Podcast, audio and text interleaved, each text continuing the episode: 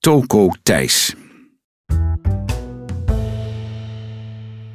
Als je niet goed keek, dan zag je het niet. Dat zijn zo keurig gestreken overhemd sleets was bij de kraag en de manchetten, bijvoorbeeld. Want Thijs had geen geld. Geen cent te makken. Chronisch in het rood, continu aan de grond. Dat krijg je van 50 jaar jojoen tussen bijstand en tijdelijke baantjes van niks. Thijs had een beperkt koppie. En tja, dan kom je in deze wereld niet ver. Tegenwoordig zelfs bij de sociale werkbedrijven niet meer. Zijn laatste carrière stap, door de gemeente in een baantje met behoud van uitkering geparkeerd. Zijn overhemd sleet verder. De rode cijfers namen toe. Beter dan dit zou het nooit meer worden. Maar toen kwam Sandra, een frisse meid met vrolijke lipstick, aanstekelijke lach en geen enkele bereidheid om stil te blijven zitten. Een consulent met een dieselmotor die bleef draaien totdat ze was waar ze wilde zijn.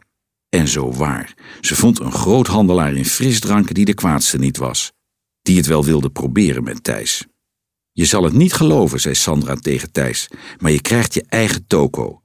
Thijs geloofde er inderdaad helemaal niets van. Echt waar?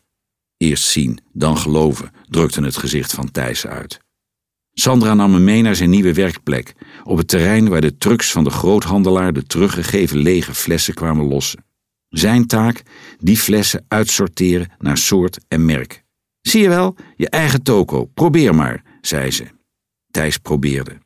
Hij probeerde tot zijn iets wat sleetse, maar als altijd keurig gestreken overhemd van achteren nat was van het zweet. Voor de zekerheid begeleidde hij zichzelf met een hardop uitgesproken taakomschrijving. Colafles in de colaflessenkrat. Zo gezegd, zo gedaan.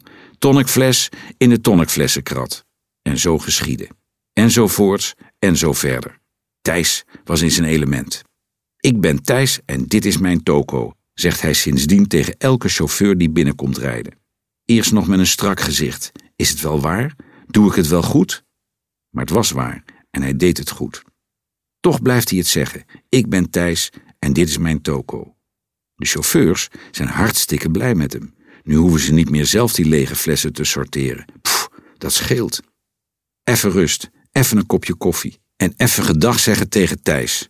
Of nee, niet tegen Thijs, ze hebben hem Toko Thijs gedoopt. Een erenaam. Hij draagt hem met trots, net als zijn nieuwe overhemd.